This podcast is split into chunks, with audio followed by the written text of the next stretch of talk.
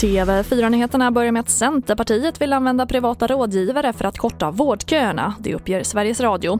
Partiet vill att regeringen tecknar ett nationellt ramavtal med privata bolag och att patienter ska kunna ställa sig i kö där väntetiden är som kortast, oavsett region.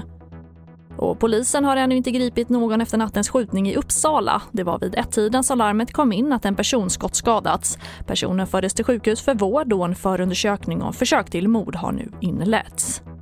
Och vi avslutar med att i en intervju i Nyhetsmorgon idag säger statsminister Stefan Löfven att samarbetet inom EU och Norden satts på prov under pandemin och att en av de svåraste avvägningarna har varit den om skolan. Men var det svårt där i något läge när andra länder stängde ner skolsystemen? Ja, det är klart. Vi, vi hade diskussioner med, med, med, flera andra ledare och eh, där vi började var överens. Nej, vi stänger inte skolan. Så hörde det ena efter den andra. Nej, men nu, nej, nu måste vi, nu måste vi. Och vi kollade hela tiden med våra, eh, med våra experter också och vi sa det nej. Och Anna Ekström har uttryckt det bra tycker jag att det, det, det, det är det sista vi ska stänga, det första vi ska öppna.